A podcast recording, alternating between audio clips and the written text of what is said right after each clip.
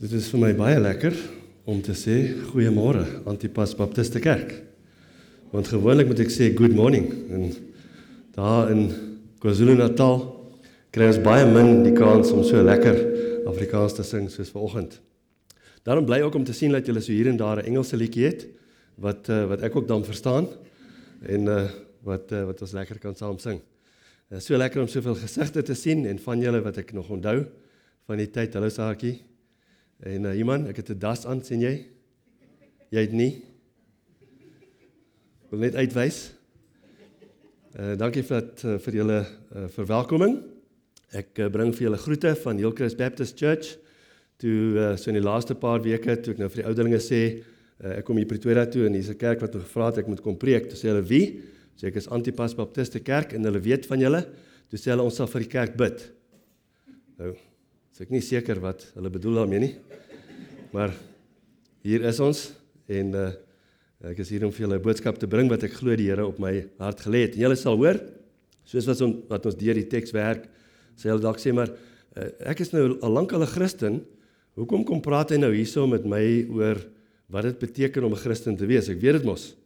Maar uh, julle wil miskien in julle Bybels blaai na Kolossense 1 en ons gaan kyk na vers 3 tot vers 6 En moet my asseblief nie oordeel nie. Ek het eh, ek haal aan uit die 1983 vertaling.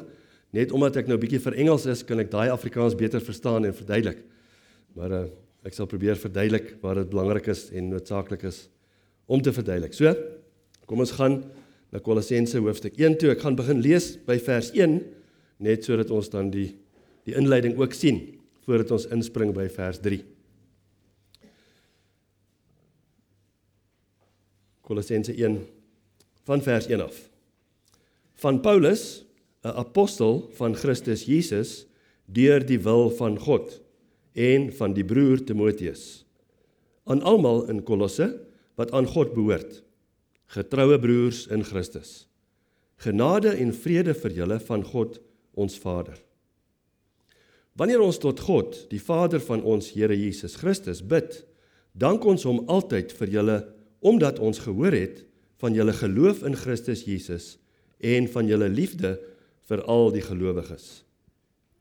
Hierdie geloof en liefde is gegrond op die hoop wat julle wat vir julle in die hemel bewaar word en waarvan julle reeds gehoor het toe die waarheid die evangelie aan julle verkondig is. Die evangelie het julle bereik en net soos dit in die hele wêreld vrug voortbring en verder versprei, gebeur dit ook by julle van die dag af dat julle van God se genade gehoor het en dit leer ken het soos dit werklik is. Bid saam met my net vir 'n oomblik.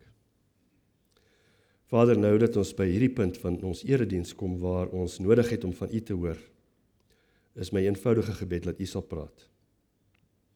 Ek bid dat niks van my gewoontetjies of stemtoon of uh, gebrekkige Afrikaans enigiemand sal afsit om te hoor wat u te sê het vandag nie. Ons vra vir u seëninge.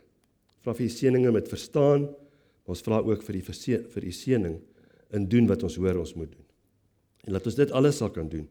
Nie vir ons eie voordeel nie, nie laat meer mense sal kan sê hier is 'n goeie kerk nie, maar veral dat mense sal kan sê hier is mense wat 'n goeie God dien.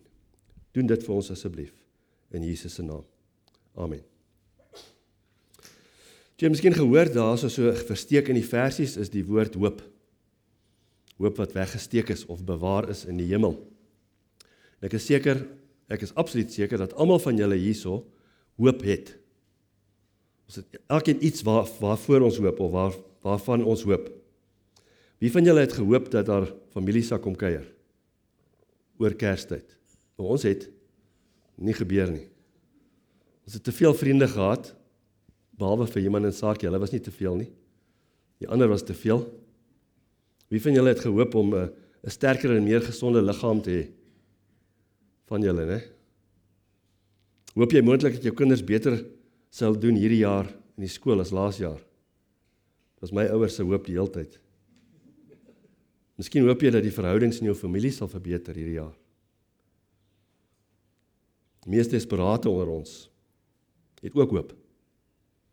Al is daai hoop dat hierdie lewe eindig. So almal het hoop. Maar wanneer wat jy hoop Veral as jy hoop op hierdie lewe se dinge nie realiseer nie. As jy sien hoe meer die hoop wat jy gehad het nie gebeur nie, dan vlieg jou blydskap ook sommer by die venster uit. Een van ons gesin se geliefkoeste verse in die Bybel en een wat ons probeer uitlewe die hele tyd is 1 Petrus 3 vers 15. Net begin lees by vers 14, maar selfs as julle sou ly omdat julle doen wat reg is, moet julle dit as 'n voorreg beskou. Moenie vir mense bang wees wat julle laat afskrik nie of julle laat afskrik nie. Vers 15 is belangrik. In julle harte moet daar net heilige eerbied wees vir Christus die Here. Wees altyd gereed om 'n antwoord te gee aan elkeen wat van julle 'n verduideliking eis oor die hoop wat in julle is. Ware hoop is aantreklik. Jy het waarskynlik 'n lysie van verwagtinge wat jy hoop sal vir jou geluk bring. En miskien op jou ek hoop lysie is moontlik iets soos 'n uh, 'n nuwe of 'n of 'n hernieude verhouding. 'n Vooruitsig op meer stabiele inkomste. 'n Beter dienslewering. Ja. Betroubare elektrisiteitsvoorsiening. Immigrasie na 'n wetsgehoorsame samelewing. Miskien hoop jy op beter vriende. Miskien hoop jy hierdie preek gaan kort wees. Uiteindelik sal die meeste, indien nie al hierdie wêreldse hoop nie, jou teleurstel. Al wat jy hoef te doen vir wêreldse hoop om jou teleur te stel is wat? Wag. Niks te doen nie, jy net wag. Op een of ander stadium gaan die wêreldse hoop jou teleurstel. Mooi vrou, wag maar.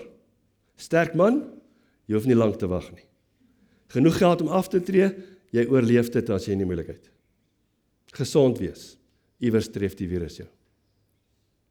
Wag lank genoeg en nie een van jou wêreldse items van hoop sal staande bly by die tyd verby nie. Maar as jou lys van hoop in lyn is met die Bybel, dan sal jy nooit hoop dat jou lewe vandag eindig nie. Die enigste waardevolle hoop word gevind in die Christelike geloof. Kolossense 1:5 sê hierdie geloof en liefde is gegrond op die hoop wat vir julle in die hemel bewaar word. Paulus het aan die gemeente in Kolosse geskryf om die kerk te waarsku teen vals filosofie. Dit's filosofie wat 'n lys reëls voorgeskryf het wat hulle sê gaan jou help en vir jou ewige waarde gee. Sekere tipe kos op 'n sekere manier moet eet. Klere op 'n sekere manier dra wanneer jy sekere dinge doen. Jou gedrag moet op hierdie manier gebeur anders is daar moeilikheid. Nie Bybelse lysies wat die ware van God se genade aantas en wat jou laat glo dat die uitkoms van jou lewe en jou in jou eie doen en late lê. Almal gehoor van die boeke wat hulle skryf en doen hierdie 5 dinge dan gaan jy suksesvol wees. Uh, tree op hierdie manier op. Hou by hierdie 12 beginsels dan gaan jy hierdie uitslag kry. Hulle sal sê jy is die outeur van jou eie geluk en sukses. Alles liegstories, né? Enigste waardevolle hoop word gevind in die Christen se geloof. Paulus spreek blydskap uit, vreugde. Want hy hoor hoe die Christene die hoop wat hulle in die hemel het reeds hier op aarde uitlewe. En hy gee ons twee spesifieke maniere wat ons later sal bespreek. So jy sien hoe meer hemelse hoop jy besit, hoe meer vreugde ervaar jy hier op aarde, ongeag van jou omstandighede ongeag van hoeveel kere jou hoop lysie nie 'n waarheid geword het nie. Hoe meer bewus jy is van jou hemelse hoop, hoe meer effektief is jy dan ook as 'n verteenwoordiger van Jesus Christus. Hierdie stelling mag jou skok. Hierdie lewe is nie die belangrikste ding wat met jou kan gebeur nie. In Engels sê ons hierdie lewe is nie die main event nie. Dit is nie. Die belangrikste gebeurtenis is nog in die toekoms. Eers wanneer Jesus kom, sal ewige hoop 'n volkomme werklikheid word. Maar Christen vriend, die ewige lewe saam met God in heerlikheid is om die draai. Vir sommige van ons baie nader as wat ons sou verwag. Daarom kan ons ook hierdie lewe met 'n volle hoop lewe. Ons kan voluit lewe. Ons kan passievol lewe in hierdie lewe. Christene kan 'n onbesorgde passie vir hierdie lewe hê, want die ewige lewe is gewaarborg en is dalk nader as wat jy dink. Die bekende Stewart Town en liedjie sluit hierdie woorde in. My heart is filled with thankfulness. Sien die blydskap. To him who bore my pain, who plumbed the depths of my disgrace and gave me life again, who crushed my curse of sinfulness and clothed me in his light, and wrote his law of righteousness with power upon my heart. Is jou hart vol dankbaarheid wanneer jy aan jou ewige lewe dink? Is jou gedagtes ingestel op dinge van die aarde? As dit is, dan sal jou hoop verpletter word op die rotse van spyt. Maar as jou gedagtes ingestel is op die dinge daarbo, dan is die rots van die eeue jou betroubare hoop. En dankbaarheid is 'n toets van hoopvolheid. In Mexiko is daar waterfonteine. Nie gedink my hare is so lank nie. Is daar waterfonteine. Wat interessant is van hierdie fonteine is daar's warmwaterbron uh, en koue waterbronne reg langs mekaar. En 'n toerus eenslag ry daar rond saam met die toerleier en hulle kyk na hierdie fenomeen wat nêrens anders in die wêreld voorkom nie en hy sien dat die plaaslike dames bring hulle wasgoed. Wonderlik, né? Moeder Natuur gee vir hulle warm water waar hulle kan was en koue water waar hulle kan spoel. En die die uh persoon wat op die toer is, die toerist vra vir die toerleier. Die dames is seker vreeslik dankbaar teenoor Moeder Natuur om vir hulle die warm en die koue water te gee. Nee meneer, sê die toerleier, hulle is eintlik baie omgekrap omdat sy nie die seep ook gee nie.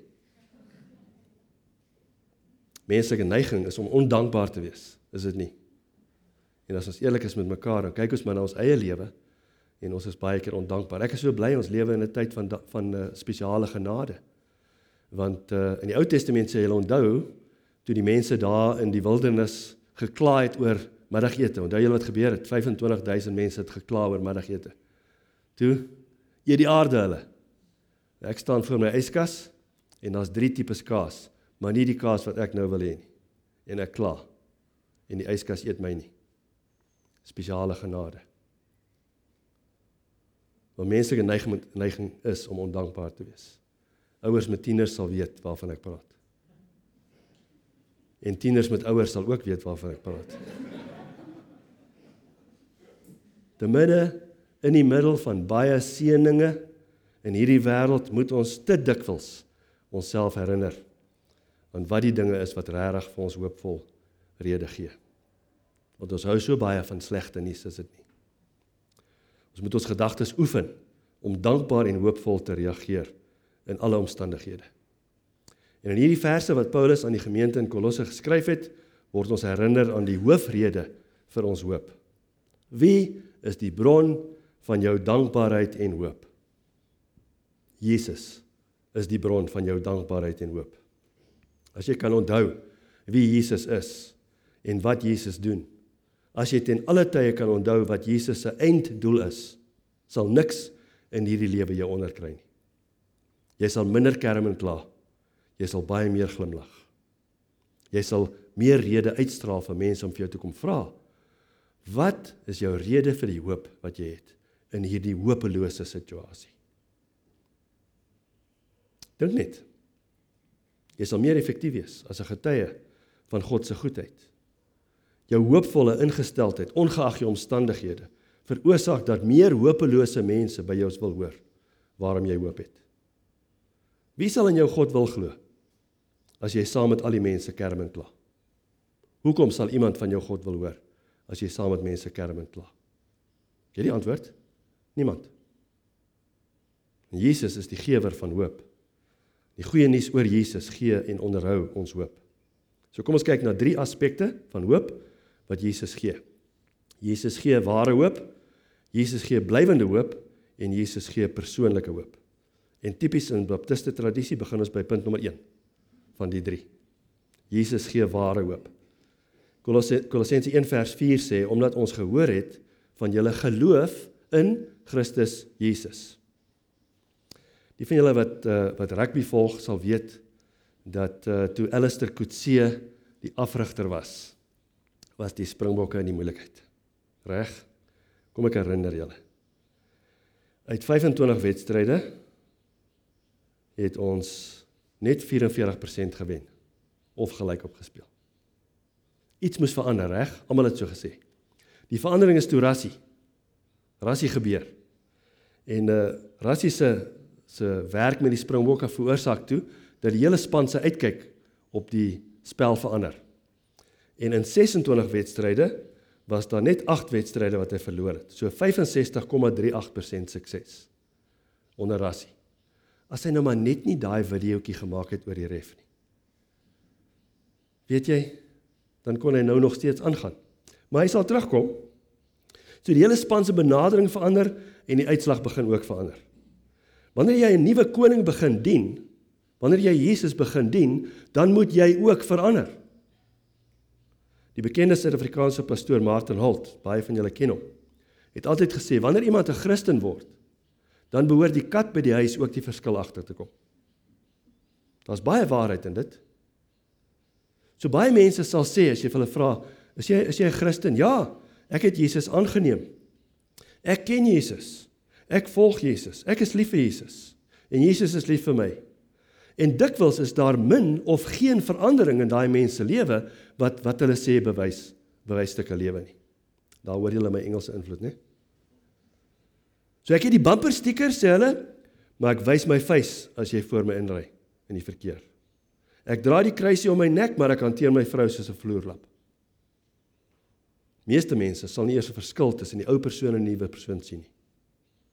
Die realiteit is dat Jesus 'n ware verskil in 'n persoon se lewe maak. En as jy en diegene rondom jou nie 'n verskil in jou sien nie, dan moet jy vra of jy werklik 'n Christen is. Is jy anders as voorheen? Is jy anders as die hopelose wêreld? Goeie vraag om te vra. En hier is die maatstaf van die werklike verandering. In hierdie selfde hoofstuk in 1 Kolossense hoofstuk 1 vanaf vers 9 beskryf Paulus die uitwerking van hierdie werklike hoop wat in die lewe in die hemel vir jou veilig bewaar word. Hy sê Kolossense Kolossense 1 van vers 9. Daarom van die dag af dat ons dit van julle gehoor het, hou ons ook nie op om vir julle te bid nie. Ons vra God dat hy deur al die wysheid en insig wat die Gees gee, julle sy wil duidelik sal laat ken, sodat julle tot eer van die Here sal lewe deur net te doen wat hy verlang. Mag julle vrugte dra deur goeie werke en toeneem in die kennis van God. Mag God deur sy wonderbare krag julle alle sterkte gee om in alle omstandighede geduldig te volhard. Hy is nie ou mens nie. Dis nuwe mens. En dan sê hy ook in 2 Korintiërs skryf Paulus en hy sê vir ons as iemand in Christus is, is daardie mens 'n nuwe skepping. Ek en Antoinette geniet dit om realiteitsprogramme te kyk. En een wat ons baie geniet het, was een wat in Australië gemaak is. Ons hou nie van al die Australiese goed nie, maar daai is 'n goeie ene. En die program se naam is The Block. En The Block werk so: duisende mense skryf in en dan word net vier paartjies. Ek dink vier nou net, hè? Vyf. Vyf paartjies word dan gekies uit hoe hulle hulle self voorstel om deel te neem aan The Block. En The Block hou aan vir 'n sekere tydperk. Hulle kom daaraan en dan's daar twee hoofdele aan hierdie kompetisie waaraan hierdie paartjies dan deelneem. Die eerste deel is 'n ou goed gemorste huis wat daar staan. Jy kan sien niemand sal daar wil of kan bly nie. Hy moet reggemaak word. Hierdie huis moet moet ehm uh, versien word. Hy moet geverf word, deure moet gehang word, vensters moet gemaak word, vloere moet uitgeruk word, nuus ingesit word. So, daar's 'n basiese struktuur, maar alles anders moet reggemaak word. Dan is daar 'n tweede deel, uh, gewoonlik aan die agterkant van hierdie huis wat aan die front is van van die paartjie se voorstelling of se kompetisie wat van van grond af moet gebou word. So die een is 'n is 'n opknapping en die ander een is 'n nuwe herbouing of 'n nuwe gebou. Die persoon wat Jesus werklik ontmoet, is nie opgeknap nie. Ja, daar's opknappingswerk wat die hele tyd plaasvind, maar jy's 'n nuwe skepping. So die werklike mens is nie wat jy hier sien nie. Wat ek net gesê het dat ons maak die fout deur te dink dat hierdie is die main event, né? Dis omdat ons so vashak aan hierdie aan hierdie lywe. Wie van julle glo nie in die skepping nie? Ek sal nog 'n oombliekie kans gee dat jy kan dink.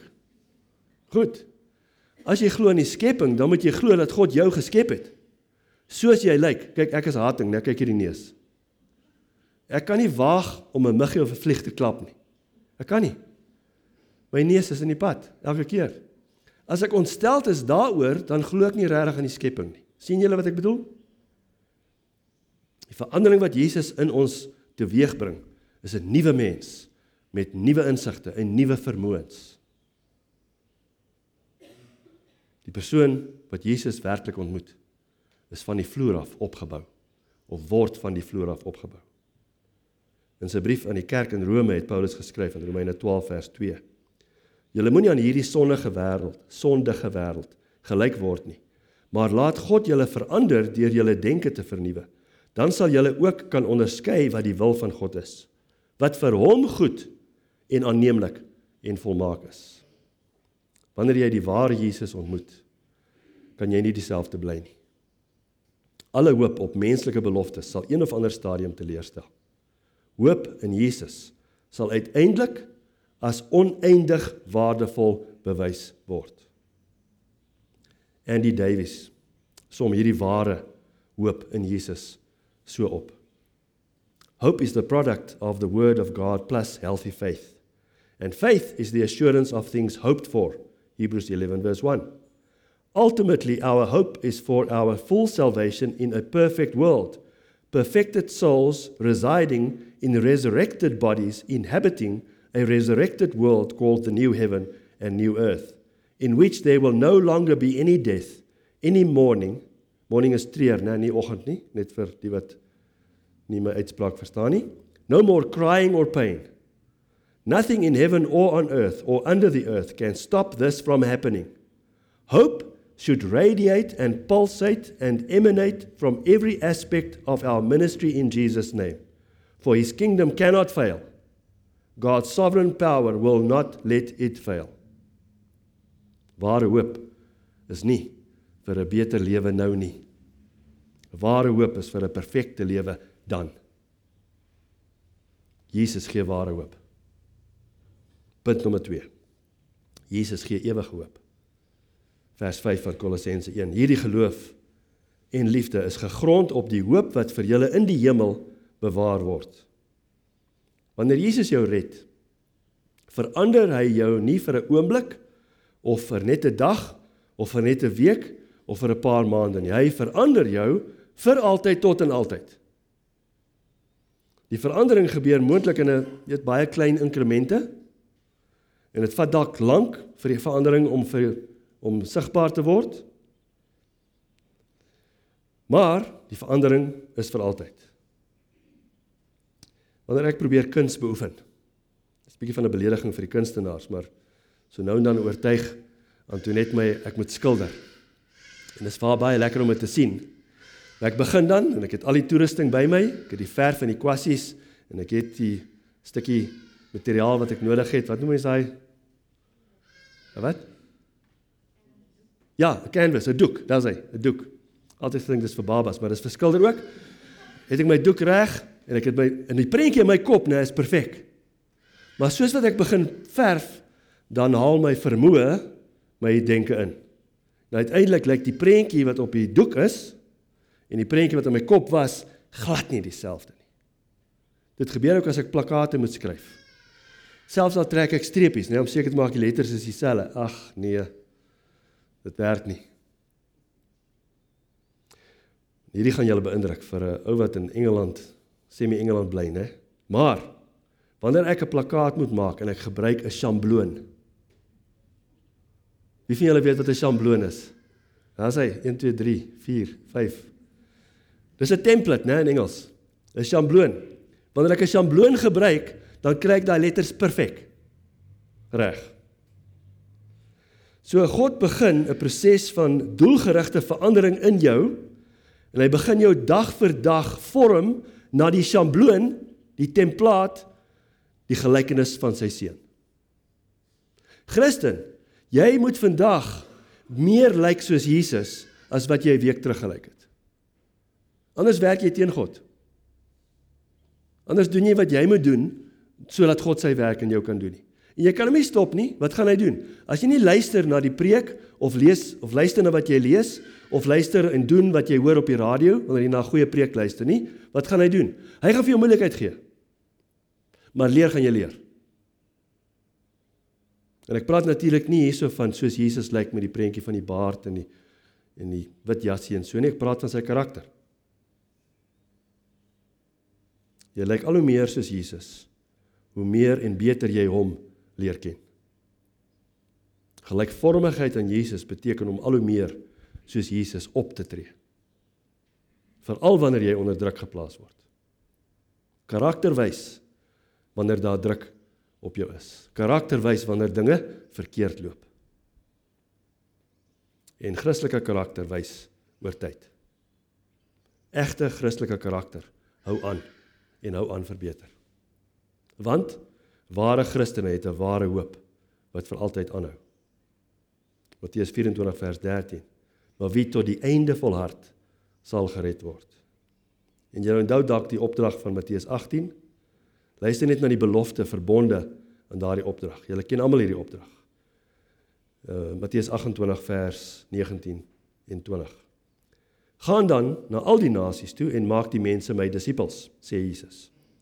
Doop hulle in die naam van die Vader en die Seun en die Heilige Gees en leer hulle alles om om alles te onderhou wat ek julle beveel het. En onthou, ek is by julle al die dae tot die volëinding van die wêreld. Wat 'n wonderlike belofte. 'n Lewe vir Christus is 'n veranderde lewe Dit is 'n veranderende lewe tot aan die einde. En die einde is miskien nader as wat jy dink.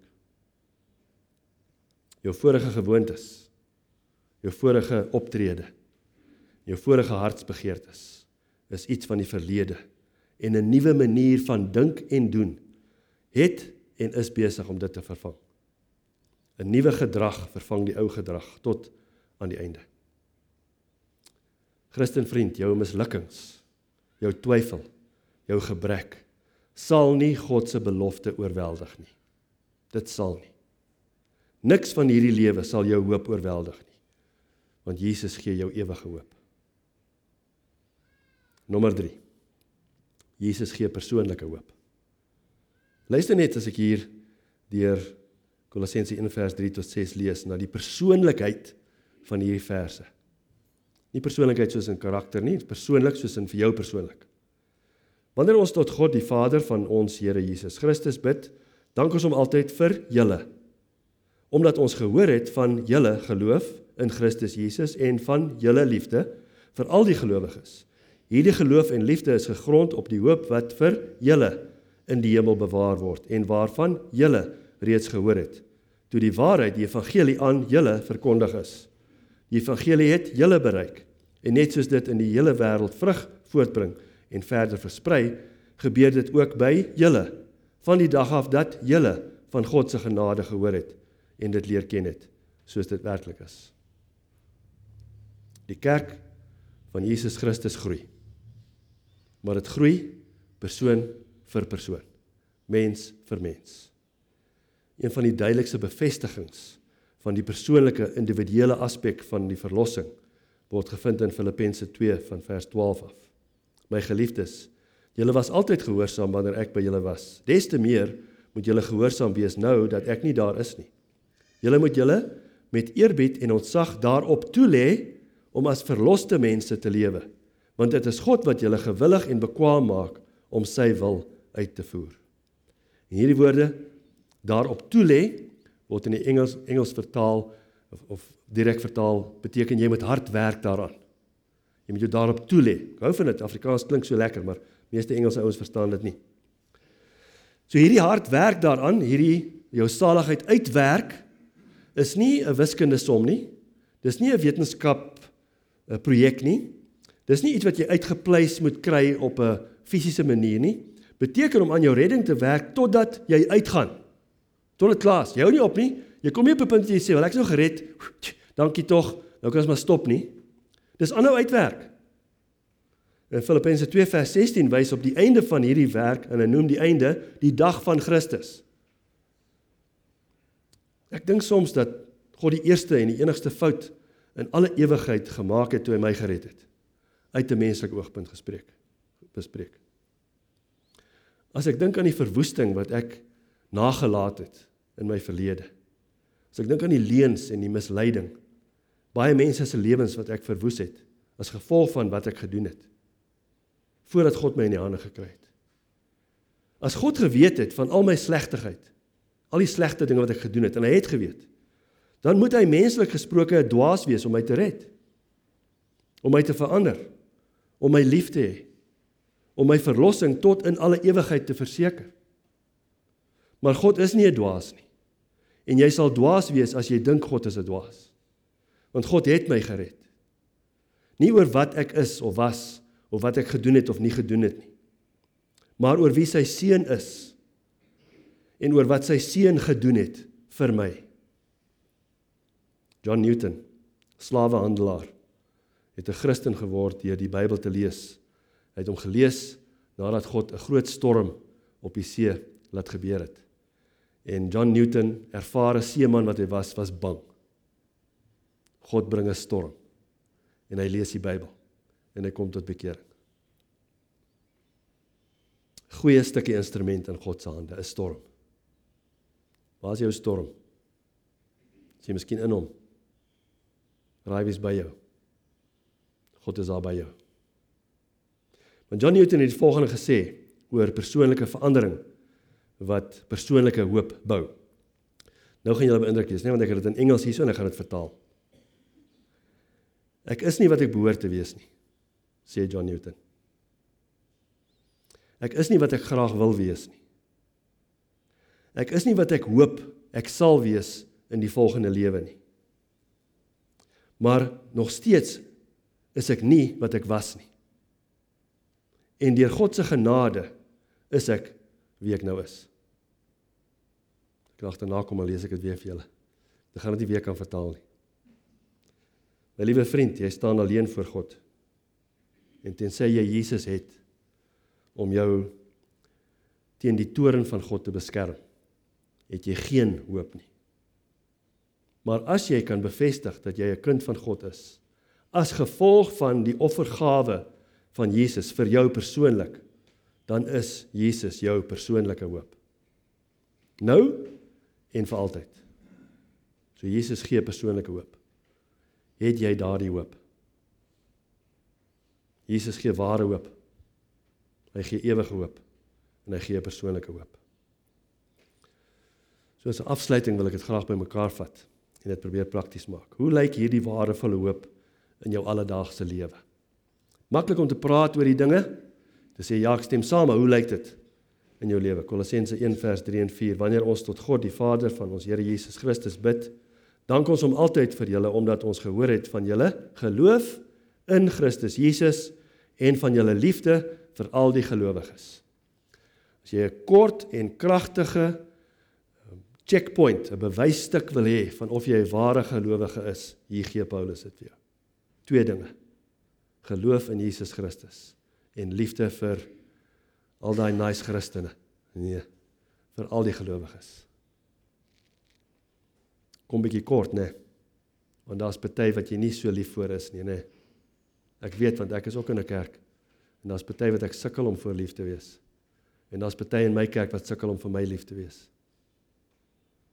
As gevolg van die ware, blywende en persoonlike hoop wat jy in Jesus het, sal jy meer en meer bekend word as iemand wat geloof in Jesus het. En jy sal bekend staan as iemand wat liefde vir alle Christene wys al hoe meer. En sou ons ander Christene by Antipas oor jou sou oor jou vra, dan behoort hulle te sê: Ja, hy of sy het geloof in Jesus Christus en bewys liefde aan al die gelowiges. Hoekom sal iemand Hoekom sal enigiemand 'n Christen wil word soos jy as jy praat en 'n lewe lei wat 'n gebrek aan geloof en 'n gebrek aan liefde toon? Hoekom sal hopelose mense na jou toe kom? Het mense rede om hopeloos te raak? want dinge gaan verkeerd in die lewe, reg? Maar in daai dinge wat verkeerd gaan, lê ons geleentheid. Vertoon jy ewige hoop in hopelose situasies. Jy sien om in Jesus te glo en om Christene lief te hê, wys dat jy daardie unieke hoop in hierdie lewe met al sy hopeloosheid het totdat Jesus kom. Voor ek afsluit, wil ek vir julle 'n praktiese toetsie gee. Ons het gesê dat as jy hoopvol is, dan sien jy geluk, eh dankbaarheid, kan ons maar sê, in enige situasie, reg? So hier is 'n bietjie van 'n toets. Sê vir my, waarvoor kan jy dankbaar wees wanneer jy al die skottelgoed moet was na 'n partytjie? Enigiemand? Waarvoor kan jy dankbaar wees as jy warm water laat jy partytjie kon nou? Ek sou sê dat jy vriende het wat partytjie toe kom. Daar's hy goeie voorbeelde. Nog een. Hier is 'n uitdaging. Ja. Dat hulle genooi het. Daar's hy. Ja. Waarvoor kan jy dankbaar wees vir die belasting wat jy moet betaal?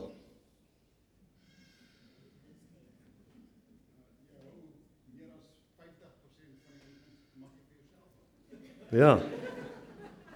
Ja, jy kan dankbaar wees dat jy van die geld vir jouself kan hou, né? Jy kan dankbaar wees dat jy 'n werk het.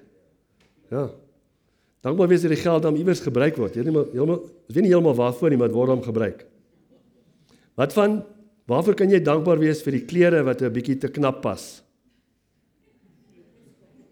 Wat beteken jy het meer as genoeg gehad om te eet, okay? Ons gaan nie na die oefening toe nie. Wat van die dankbaarheid, waar, waarvoor kan jy dankbaar wees vir die instandhouding wat gedoen moet word aan die tuin en die vensters en die geite en die pype en die goeders wat jy moet regmaak by die huis? Het huis. Dis wat jy gesê het, Marlie. Het huis. Waarvoor kan jy dankbaar wees as jy 'n parkeerplek kry, maar parkeerplek parkeerplek kry by die winkelsentrum, maar dis die verste van die winkelsentrum af. Waarvoor kan jy dankbaar wees? Oefening kan kry, baie mooi. Wat nog? dat jy 'n kar het wat jy kan parkeer, dat jy kan winkel toe gaan. Daar's baie. Nog twee. Waarvoor kan jy dankbaar wees vir die persoon wat agter jou in die kerk staan en vals sing? Jy kan hoor, daar's hy. Nog net twee. Waarvoor kan jy dankbaar wees vir die bondels wasgoed en strykwerk wat jy moet doen? Jy het klere. Jy het geliefdes. Jy het elektrisiteit. Wat van dankbaar wees vir die vir die wekker wat vroegoggend afgaan? Dis 'n nuwe dag. Jy lewe. Ek sluit af hiermee. Hier's 'n gesang. Afrikaans nogal. Saam met sy kerk wil ek bely. Die Heiland is gebore. Hoewel ek nog teen sonde stry, is ek nie meer verlore. Die krib wys na 'n koningskroon. Ek sal vir ewig by hom woon, my redder, my verlosser. My beste werke is voor God gebrekkig en bedorwe. Die kwaad gekant teen sy gebod lê nog in my verborge. Deur angs en wanhoop neergeslaan, sien ek hoe dat my hoop vergaan. Net straf is ek te wagte. Maar Jesus sê, staan op, vertrou op my, die sondelose. Ek het gekom gelei vir jou, oorwinning oor die bose. Ek het betaal, kom skuil by my en waar ek gaan, sal jy ook bly. Geen vyand sal ons skei nie. Kom ons bid. Vader, 'n maklike boodskap. Net twee dingetjies wat ons eintlik behoort te doen. In Jesus Christus glo en vir die Christene lief wees. Maar ons weet omdat ons in 'n gefalle wêreld lewe en omdat ons nog steeds van ons gevallenheid saam met ons dra, is daardie taak soms baie moeilik. My gebed is vir die geliefdes hier by Antipas Baptiste Kerk. Dat U hulle sal seën meer as ooit tevore.